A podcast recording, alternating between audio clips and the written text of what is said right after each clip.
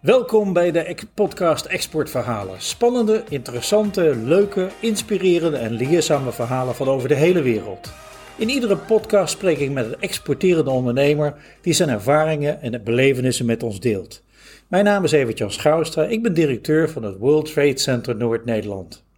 World Trade Center Noord-Nederland ondersteunt bedrijven met internationale ambitie en helpt bij het professionaliseren van de export en import door kennis te bieden, onder andere met experts, en nieuwe markten te openen door contacten te leggen met potentiële zakenpartners via het wereldwijde netwerk van maar liefst 325 kantoren in 90 landen, maar ook onze uitgebreide database van meer dan 150 miljoen contacten.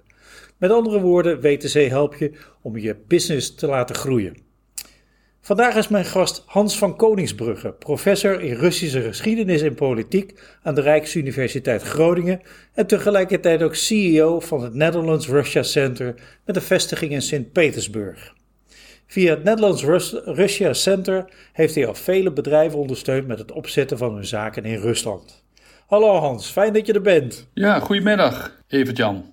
Goedemiddag. Hey, waarom moeten eigenlijk meer bedrijven gaan exporteren naar Rusland? Nou, het is eigenlijk heel simpel. Ehm, ik zie in mijn omgeving dat bedrijven meestal de makkelijke weg kiezen. Dat is Duitsland of Frankrijk of Engeland, alhoewel dat natuurlijk nu ook ingewikkelder is.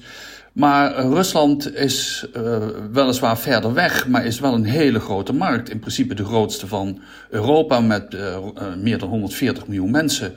Dus je zou moeten zeggen van waarom doen die bedrijven dat eigenlijk allemaal niet? En, uh, ik denk dat daar veel zit, uh, de Koude Oorlog denken en uh, wat is dat eng, dat Rusland enzovoorts. Het is verder weg en misschien wordt er dus ook minder van gehouden. Maar er zijn heel veel kansen, dus dat is reden genoeg om de kat de bel aan te binden. Ja, prachtig. Dus we gaan vandaag gaan we het echt hebben over het zaken doen in Rusland. Uh, met name ook uh, de zaken waar, waar, Nederlandse ondernemers tegenaan lopen in het zaken doen van Rusland. En je gaat ons daarbij meenemen in hoe je dat het beste kunt aanpakken. Ja. Lijkt me een hele goede zaak. Hey Hans, hoe ben je eigenlijk aan Rusland gekomen? Nou, via mijn uh, studie in Nijmegen. Ik heb in Nijmegen geschiedenis gestudeerd en mijn eerste belangstelling was Nederlandse betrekkingen met Zweden in de 17e en 18e eeuw. En toen ik terugkwam van eh, een half jaar Zweden en onderzoek en ja, bezoek aan bibliotheken en archieven, heb ik gepraat met een hoogleraar en uh, met het verzoek, ik wil graag een promotie schrijven, ik wil graag dokter worden. En die zei toen, nou dat is helemaal goed, maar Nederland-Zweden is misschien wel intrigerend, maar er moet iets bij. En dat iets bij werd Rusland. En naarmate de tijd vorderde, en uh, de 18e eeuw wat uit beeld kwam en ik in Groningen ging werken, werd het Rusland 20e eeuw. De muur was gevallen. Uh, nou, laten we zeggen, de oude Sovjet-Unie was geliquideerd of geïmplodeerd, dat is een betere opmerking. Nou, uh, en eigenlijk heeft dat hele 20e eeuwse Rusland mijn oude hobby Zweden volledig verdrongen. en, en, heeft dat uiteindelijk geresulteerd in een frequent bezoek ook aan Rusland? Ja, heel frequent. Ik ben eigenlijk een, een laten we zeggen, een keer of drie, vier per jaar in Rusland. Uh, we hebben, mijn vrouw en ik hebben wel de afspraak, is het langer dan 15 dagen, dan moeten we met elkaar aan tafel. Dus uh, mijn, de, de thuis is beperkt, zal ik maar zeggen. Niet zozeer vanwege afkeer van Rusland, maar meer van ja, mijn vrouw heeft zoiets van, het moet, je moet niet een soort van draaiduur zijn, dan weer wel thuis, dan weer niet thuis. Dus we hebben daar toch wel goede afspraken over thuis. Ook al omdat ik natuurlijk een, een, een, drukke baan in Groningen heb. Maar ik ben er vaak, ik ben er vaak. En wat was je eerste ervaring met Rusland? Nou, mijn eerste ervaring had ook te maken met Zweden. Ik kwam net uit Zweden en Zweden is een hyper georganiseerd land. Wel een beetje saai een half jaar gewoond. En uh, dat is een land, tenminste dat heb ik meegemaakt, waar je als je de straat overstak en je liep door het rode voetgangerslicht, dan werd je aangesproken. Of als je naar de centrale glasbak in Stockholm ging en je deed daar flessen in de glasbak en dat leek op uh, flessen waar alcohol in gezeten had, werd je ook aangesproken. Nou, ik kan je verzekeren, daarvoor was in Rusland geen enkele sprake. Mijn eerste indruk was, toen ik eh, in Rusland kwam, uh, eigenlijk tweeledig. De eerste indruk was de lucht van uh, diesel. Ik stapte uit het vliegtuig en ik dacht, pot, wat is hier een diesellucht? Was winter. Winter 1986, om precies te zijn. En het tweede was dat ik, dit is de tijd van de Sovjet-Unie, en ik mocht logeren in het hotel van de Academie van Wetenschappen. En Ik uh, las s'avonds de kaart en ik las daar champagne, kreeft, caviar. Ik dacht, ik ga helemaal los hier, het kost allemaal niets. Maar er was gewoon simpel niks. Dus uh, het bleef rode bietensoep en een glas wodka, dat was het. En bietensoep was er eh, als dessert ook nog, bij wijze van spreken. Dus het was allemaal vreselijk pover. En uh, ja, dat, dat was. Zo ben ik in Rusland binnengestapt in een land waar eigenlijk niks was. Heel weinig in ieder geval. En ik bracht ook altijd een cadeau mee voor mijn ouders. Overal waar ik geweest was, nam ik iets antieks mee. In Rusland heb ik niks kunnen vinden van enige betekenis. Dus een heel mager winkelbestand, een bevolking die niks gewend was. Uh, of als er al wat was, dan was het één soort. Je wist zeker in Moskou, uh, bijvoorbeeld in de winter van 86, als je ijs at, dan wist je dat iedereen die dag hetzelfde ijsje had. Nou, dat is in Nederland ondenkbaar. Dus het hele fenomeen kiezen bestond niet. Nou, daar moet je aan wennen. Prachtig, hè? Ja, oude tijden.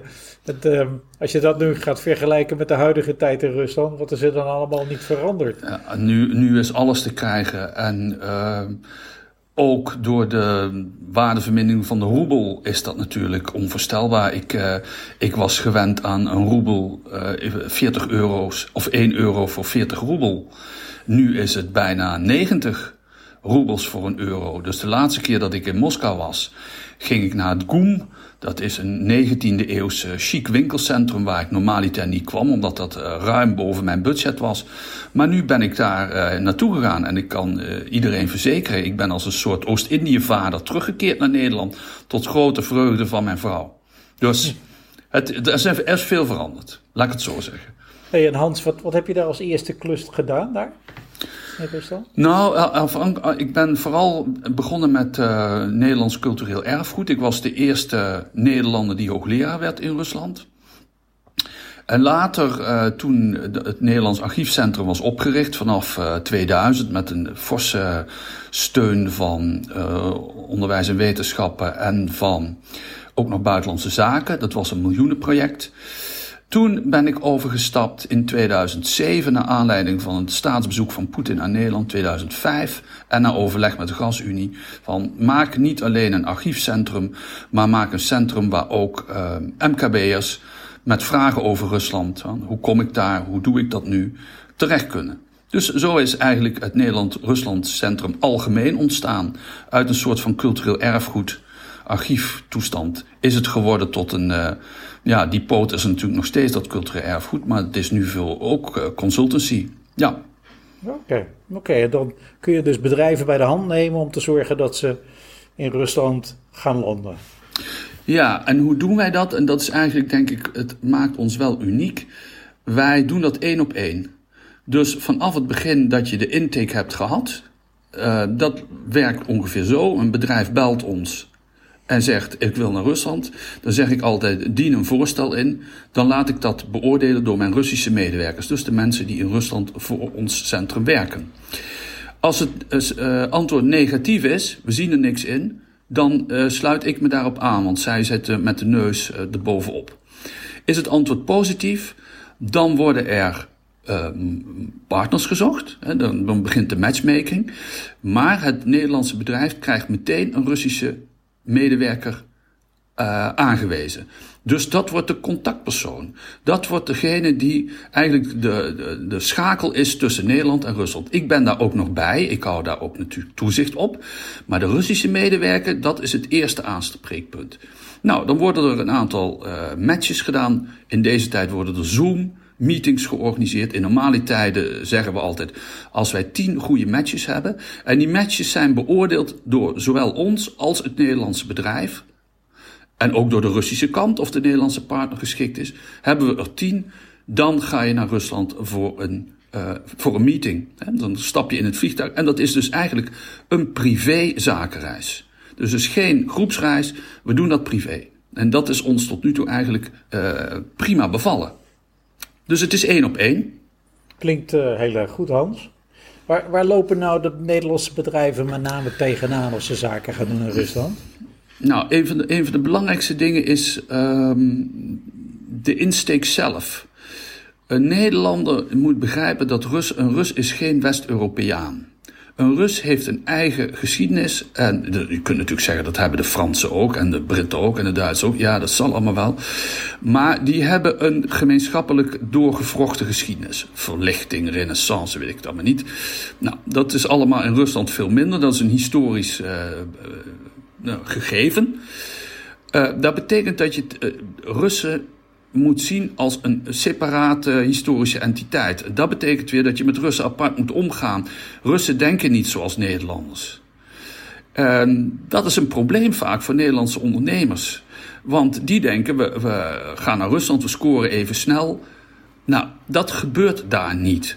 Uh, Rusland kost gewoon veel tijd. Een Nederlandse ondernemer moet leren om toch wat van die Russische cultuur en geschiedenis op te snuiven, daar ook over te praten. Uh, het, punt is het punt is ook dat de Rus over Nederlands-Russische betrekkingen veel meer weet dan de gemiddelde Nederlandse ondernemer. Nou ja, daar krijg je ook bij ons wel tips voor, hoe je, hoe je dat...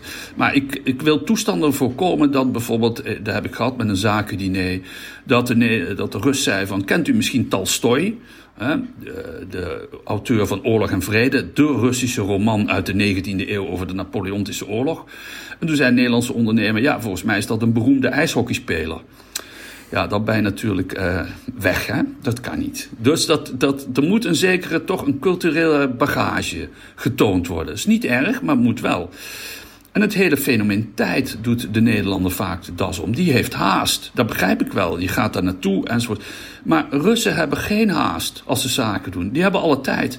Het kan zo zijn, en dat is deel van de onderhandelingstactiek, dat je dagen met Russen praat en je denkt van, goh, ik heb nu de overeenkomst klaar.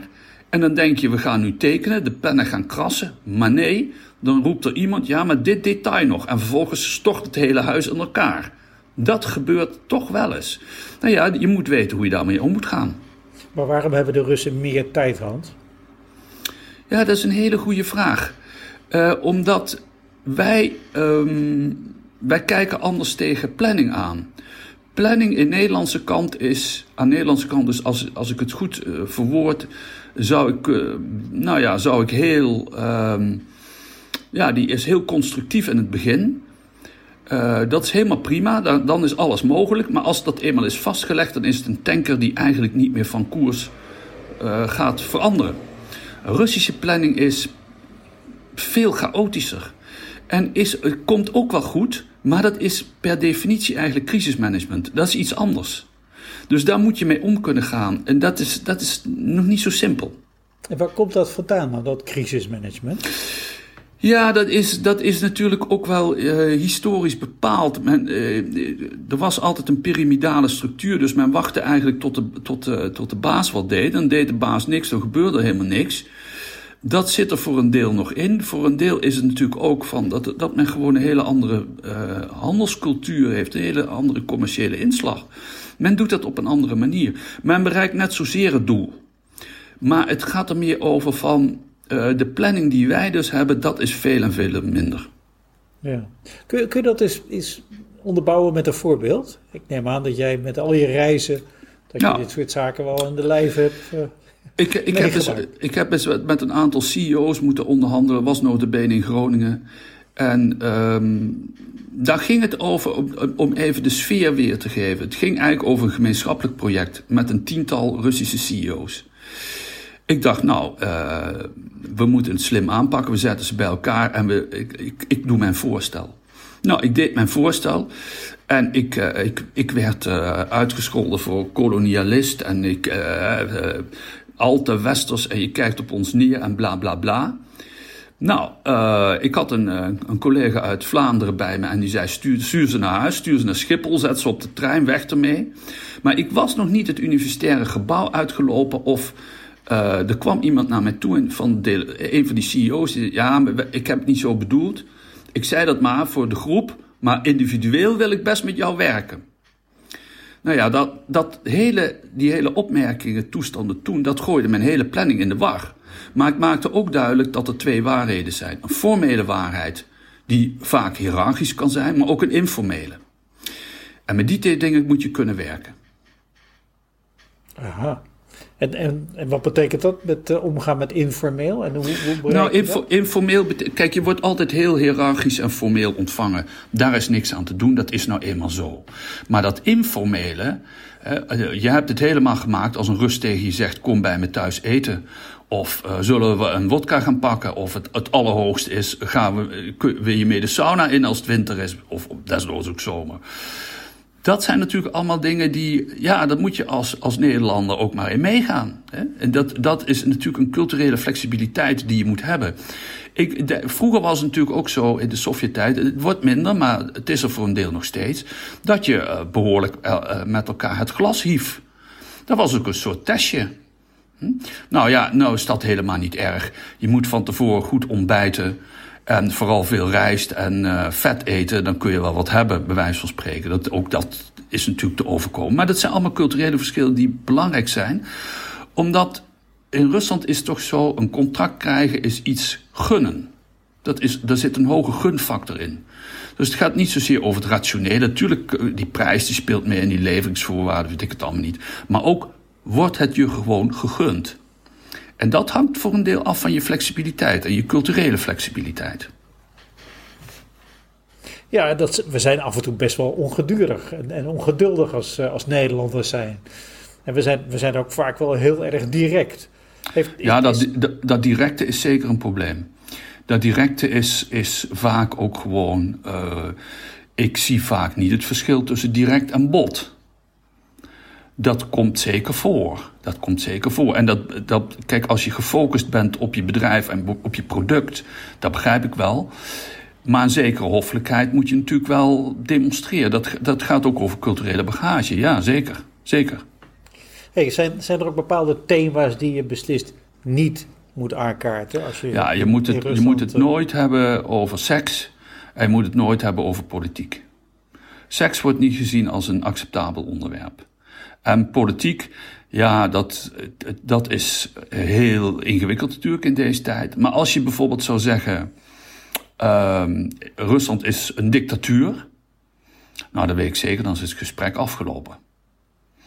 Je mag dat best denken. En uh, je mag ook denken van het is een autoritaire staat. Voor een deel is dat ook zo. Hè? Uh, het is geen democratie zoals wij die hebben. Dat lijkt me evident. Maar um, onze normen en waarden, die zijn niet de Russische. En dat is natuurlijk het verschil. Wij zijn gewend aan een democratisch stelsel, een parlementair stelsel, et cetera, et cetera. Maar daar hebben we honderden jaren voor, voor in moeten groeien. In Rusland is dat nooit iets geweest. Hè. Er was altijd een sterke man. En er is ook een enorme hunkering naar een, uh, naar een soort van sterke man, denk ik. Er wordt toch vaak gezegd van, uh, ja, wij, uh, wij, dit is voor ons heel belangrijk. Hè, dat Rusland door één man geregeerd wordt. Is dat ook uh, mede de reden waarom Poetin zo populair is in Rusland? Ja, dat speelt mee. Maar de andere reden is dat uh, Yeltsin heeft natuurlijk in de jaren negentig een enorme puinhoop van gemaakt.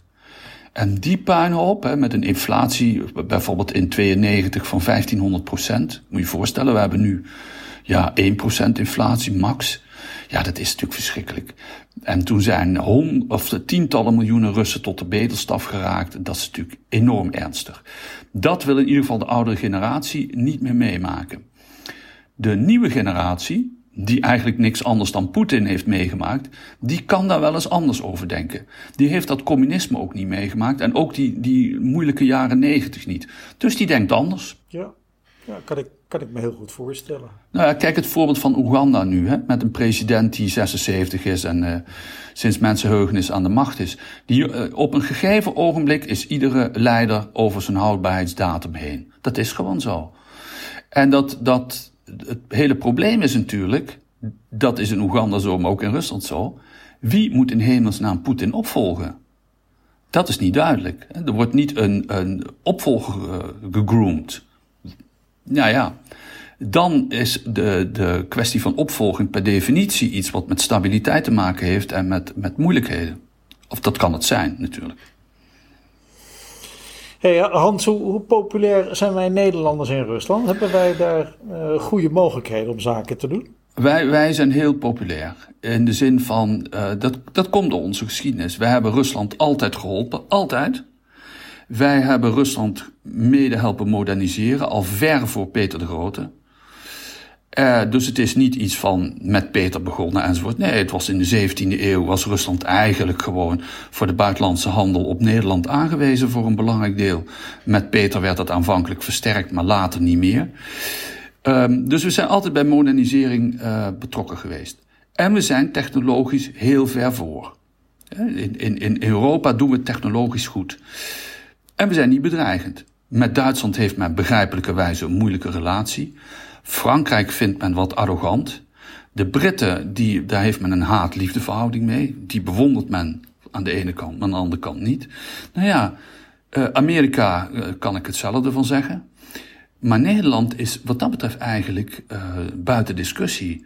Daar, dat is geen bedreiging. We hebben maar één keer een veldslag tussen Russen en Nederlanders gezien. In, in Noord-Holland 1799. Dat was het dan. Dus uh, verder waren er weinig vijandelijke gevoelens en dat helpt natuurlijk mee. Russen denken historisch. Dus dat wil zeggen van, nou ja, dit hebben we meegekregen, dit weten we van onze betrekkingen, we kennen jullie, et cetera, et cetera. Nou, nou zijn er uh, diverse sancties uh, tegen Rusland. Um, ik kan me voorstellen dat bepaalde sectoren, dat daar lastig is om te gaan exporteren naar Rusland. Uh, dat klopt, maar die sectoren, dat, dat betreft dan vooral uh, landbouw, maar ook nog selectief. En de, die sancties uh, die gaan meer over personen en over kapitaalverkeer. Hè, in de zin van, je mag geen Russische multinationals financieren, ik noem maar wat. Ja, dat is bij een MKB'er toch ook niet aan de orde. Dus het, over het algemeen valt het met die sancties wel mee. Je moet natuurlijk wel, als Nederlands bedrijf, de wet handhaven. Ook de Brusselse regelgeving. Dat betekent dat als jij onderdelen levert voor de brug op de Krim, ja, en je wordt gepakt, ja, dan uh, had je kunnen weten dat dat niet mocht. Iedereen begrijpt dat. Hè? Krim, daar moet je van afblijven. Ja. Ah, maar als je dat in, allemaal in acht neemt, dan is dat allemaal best mogelijk. Dan is het geen probleem.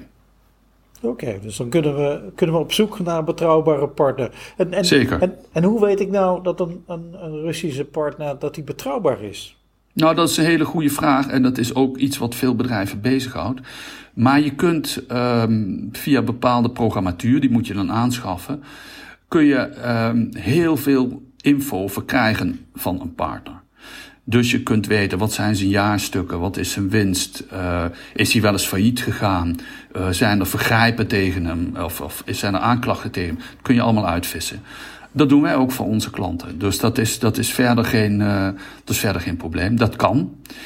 Uh, maar het is wel zinnig om dat te doen. Hè. Ik heb een, voorbeeld gehad van iemand, een vriend van mij, die zonnepanelen wilde leveren via een Russische paard aan Kazachstan. En waarop ik zei, nou, misschien is het toch goed dat, we, dat ik eens uitzoek hoe het, uh, hoe het ermee zit. En toen bleek de Russische partner 5000 euro in kas te hebben. Ja, dat is niet iets voor een miljoen, als basis voor een miljoenenproject. Dus het, dat voeren wij ook standaard door. Dat moet gewoon. Dat is gewoon belangrijk. Ja. Als, als je nou gaat kijken naar de Rus zelf, hè? naar de persoon de Rus. Wat, wat voor indruk maakt hij op jou? En hoe zou je zijn ehm, persoonlijkheid misschien beschrijven? Ja, ik denk dat een Rus in het algemeen wordt ervaren als afstandelijk, cool. Maar als je er eenmaal vrienden mee hebt, bent, dan gaat dat uitstekend. Je zou het een beetje met uh, toch wel zit wat in de vergelijking Noord-Zuid in Nederland. De zuiderling die veel um, ja, eh, beter van de tongriem gesneden is. De noorderling die wat de, kat uit de boom kijkt. Dat kat uit de boom kijkerige, dat heeft de Rus in eerste instantie ook. Maar zodra dat niet meer hoeft, dan gebeurt het ook niet. Dan wordt het een echte warme vriendschap. Of in ieder geval een warme relatie. Dus dat is, dat is geen probleem. Ik, uh, ik denk dat... Uh, ja, bij Rusland wordt natuurlijk vaak gedacht aan kou en weet ik het allemaal niet wat. Ja, dat is een van de aspecten. Maar je kunt net zo goed aan warm denken als je aan Sochi denkt, aan de, hè, aan de, aan de Zwarte Zee. Dat heeft een tropisch klimaat. Dus bij wijze van spreken, het is een land met zoveel verschillende klimaten en gedoe. En de gemiddelde Russen spreekt het ook een beetje af. Iemand uit het noorden zal misschien anders in elkaar zitten dan iemand uit Zuid-Rusland. Maar in het algemeen kun je zeggen, men kijkt de kat uit de boom. Maar als dat eenmaal gebeurt, dan is het prima. Wat, wat in, jouw, in al jarenlange ervaring in, in de aanwezigheid in Rusland, wat, wat is er de mooiste belevenis die jij meegemaakt hebt in Rusland? Nou, de mooiste belevenis is wel dat, dat je. Ja, wat, dat je zaken voor elkaar krijgt. waarbij je echt denkt van nou dat is, dat is ingewikkeld, maar het wordt toch wat op den duur. Bijvoorbeeld, uh, nou er is een concreet bedrijf en dat bedrijf dat doet aan oliebestrijding. En uh, ik vind een van de mooiste dingen dat we toch na vijf jaar uh, en het, is een hele moeilijke, ingewikkelde markt met dominante spelers als, als Gazprom, et cetera. Dat we toch in staat gaan zijn, hè, binnenkort, om de eerste Russische, uh, om de, de eerste Russische klant te verwelkomen op dit punt. Dat gaat bij 1 februari gebeuren, dus dat is over een paar weken. En dat demonstreert het dus ook. Je hebt geen succes, kunt geen succes hebben in Rusland als je met, met één bezoekje of een vlot contactje of uh, eventjes, eventjes, eventjes. Zo werkt het niet. Het is iets van een langere adem en het is iets waarvan je, daar moet je je op instellen. Het kan even duren. Dat vond ik wel een groot succes. Maar ik vind ook een groot succes wat we nu gaan doen. Bijvoorbeeld een aantal uh, Russische vrachtwagens in Nederland invoeren. Hè. Voor een, een Nederlander die daar brood in ziet, die, die ze leuk vindt en misschien ze wil verkopen. Dat vind ik ook een mooi succes. Dus ja, er zijn heel veel mooie verhalen, maar ze gaan altijd over toch volhouden. Uh, ik, ik, heb, ik heb zelf bij alles altijd gezegd in Rusland vanaf 86: jullie kunnen doen wat je wil, maar ik blijf. Wat er ook gebeurt, ik ga niet weg. Dus ik heb alle tijd en ik, uh, ik ga niet weg. Nou, dat zijn twee belangrijke signalen die je dan afgeeft. Ja, heel mooi. Zaken doen met de Russische overheid. Is dat mogelijk voor Nederlandse bedrijven? Ja, dat kan wel. Je kan meedoen aan tenders. Dat is niet simpel, want je krijgt natuurlijk te maken met Russische bedrijven. Maar zit je eenmaal, ben je eenmaal wat gewend in, in, in een bepaalde regio. En Rusland is opgedeeld in regio's en grote steden. Ik zou, als het serieus wordt, ook altijd proberen om eh, contact te maken met een lokale gouverneur. Of als een Russische handelsdelegatie uit een bepaalde regio in Nederland is, en dat wordt meestal georganiseerd door de Russische handelsvertegenwoordiging Amsterdam, dat je dan als bedrijf contact maakt met die gouverneur die dan in Amsterdam is, het zij via Zoom, eh, het zij in persoon, als dat weer kan, uh, en dan bij een volgend bezoek uh, hem kan herinneren aan jullie gesprekje. Dat werkt altijd heel goed. Dat is een mooie, een elegante instapmethode die ik zeker zou gebruiken. Ja, dus het, het kan wel, maar je moet contact zoeken. Ja. En daar, daar kan ook zijn dat je daar hulp bij nodig hebt. Dat doen we ook natuurlijk. Maar, maar, kun je als Nederlands bedrijf ook inschrijven op een tender? Of moet dat met een Russische partner gebeuren? Dat moet meestal met een Russische partner. Maar ja, daar kun je afspraken over maken. Je kunt daar contracten over maken. En uh, het is niet zo dat dat allemaal, uh, laat ik maar zeggen, uh, dichtgetimmerd is. Zo is het niet. Nee. Oké. Hey, een van de aspecten die toch altijd bij mij naar boven komt op het moment dat ik praat over Rusland is een stukje corruptie. Uh, regelmatig hoor je de verhalen van dat, uh, dat, dat mensen door een politieagent zijn aangehouden, dat er wat uh, zwart geld of wat geld moet betaald worden om dan weer door te kunnen rijden. is dit nog realiteit? Is dit, is dit nog iets van wat op dit moment nog speelt in Rusland? Nou, corruptie, corruptie is natuurlijk. Um, dat speelt in Rusland nog steeds en is ook. Dat is eigenlijk een manier om uh, de formele hiërarchie te, wat te doorbreken. Met andere woorden, jij krijgt formeel je zin niet. Je wil een telefoon uh, binnen een week, want je begint een nieuw bedrijf. Nou ja, dan zegt de telefoonmaatschappij, uh, wacht maar twee maanden. Ja, dan schuif je wat toe en dan is het geregeld. Dat is eigenlijk om rigide regels wat te doorbreken. Maar je moet je als Nederlands bedrijf daar nooit meer in laten. Want dan ben je kwetsbaar. En kwetsbaarheid is nooit goed. Je moet altijd, uh, dan moet je geduld uitoefenen. Ik, je, op dit niveau, dus ik heb het inderdaad meegemaakt, ook omkooppogingen en zo, daar ga ik nooit op in. Want je hebt maar één reputatie en als je die kwijt bent, dan ben je die ook kwijt en dan krijg je hem nooit meer terug. Dus gewoon niet doen. Ja. Oh, dat, lijkt, dat lijkt me ook voor, uh, voor onze Nederlandse bedrijven en onze luisteraars ook een, ook een hele belangrijke tip. Hey, dan uh, heb je eigenlijk twee grote steden in Rusland. Dat is uh, Moskou en Sint-Petersburg. Mm heb jij een advies waar te starten als bedrijf zijn als je voor het eerst in, in Rusland wil gaan kijken en zaken ja, doen? ik, ik zou altijd gaan starten in Petersburg. Petersburg is Rus, Rusland light. Daar is het wat internationaler, is het wat gemakkelijker. De stad lijkt ook gewoon op een 18e eeuwse westerse stad, eigenlijk. Uh, Moskou is moeilijker, is, uh, is drukker, is ingewikkelder, is ook ja, meer op het oosten georiënteerd. Maar uh, je hoeft je niet uh, te beperken tot die twee. Hè? Het, wat natuurlijk vergeten wordt vaak, is dat Rusland miljoenen steden heeft. Buiten deze twee. Jekaterinburg is een duidelijk voorbeeld. Heel geschikt om te beginnen. Of Novosibirsk ligt weliswaar in Siberië, maar is een technologisch centrum van de eerste orde. Dus ook belangrijk om te bekijken. Dus het hangt maar helemaal af van de business waar ik zou starten. Dat hoeft niet per se een van die twee, zoals de Russen zeggen, hoofdsteden te zijn. Dat kan wisselen.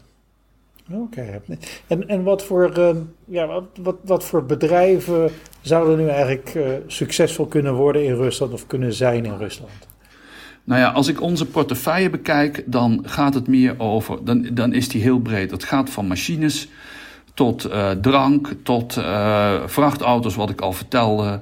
Of, of een bedrijf wat hout importeert. Het kan van alles en nog wat. Bedenk wel, Rusland heeft um, geen eigen sterke industrie buiten olie en gas en wat computer-ICT. Verder niet zoveel. Verder wordt er heel veel ingevoerd. En de overheid probeert daar wel iets aan te doen door, door eigen industrie te stimuleren. Die industrie die overigens in de jaren negentig uh, vrijwel ter ziele is gegaan. Maar uh, het betekent ook dat eigenlijk heel veel, zo niet bijna alles, ingevoerd kan worden. Kan natuurlijk te maken krijgen met Russische competitie of zoiets. Maar de, de, Nederlandse kwaliteit is hoog genoeg en de Nederlandse prijsstelling is ook redelijk. Dus daar ligt het probleem niet. Dus het is niet zozeer dat het beperkt hoeft te worden tot een paar sectoren. Dat, zo zie ik het niet. Nee, ik zie een veel breder scala aan mogelijkheden. Oké. Okay. Hey Hans, we, we komen alweer bijna tegen, we zitten alweer tegen het einde van deze podcast aan. Ik bedoel, de tijd vliegt en uh, naar mijn gevoel zouden we nog wel minstens drie of vier van die podcasts kunnen vullen met al je mooie verhalen. En ook de verhalen over Rusland zelf. Uh, maar misschien heb je nog een gouden tip voor onze luisteraars. Nou, misschien niet één van goud, maar uh, ik zeg altijd: ga naar de Russische markt, want het is gewoon heel simpel. Niet schieten is altijd mis. Er zijn, alle, er zijn tientallen redenen misschien om niet te gaan. Merendeels mentaal en merendeels niet terecht. Maar zo moeilijk is het nou ook weer niet. Vele bedrijven gingen u voor. En als u dan ook nog uh, de factor tijd in de goede realiteit kan zien, nou, dan moet het een succes worden. Nou, prachtig. Hans, want uh, normaal gesproken eindigen we met een billboard tekst bij de A7, A32. Zo van nou, uh, de laatste woorden die ik op exportgebied nog even mee wil geven aan alle, alle mensen die langs dit, die, dat billboard rijden. Um, wilde je jaar daar dezelfde tekst op zetten of heb je toch nog een andere mooie toevoeging? Nou, ik vind het wel een mooie tekst. Lijkt mij ook. Hey Hans, hartelijk bedankt voor, jou, uh, voor jouw mooie verhaal en je relaas over Rusland. Uh, voor mij en ik hoop ook voor de luisteraars weer uh, zeer leerzaam. ook je visie op, op het zaken doen in Rusland, maar ook, nou, ook hoe om te gaan met de Russen zelf. Het is weer een, een mooie eye-opener geweest en ik hoop dat ook hiermee meer bedrijven ook gemotiveerd zijn om ook eens naar het Russische te kijken. Uh, luisteraars, dank jullie wel. Fijn dat jullie hier geluisterd hebben. En om de week komen wij weer met een nieuwe podcast. En wil je deze podcast nog een keer beluisteren? Of wil je meer weten over exporteren? Of over ons programma van webinars, virtuele handelsmissies of whitepapers? Ga dan naar onze website www.wtcl.nl. En uiteraard tot de volgende keer. Hartelijk bedankt.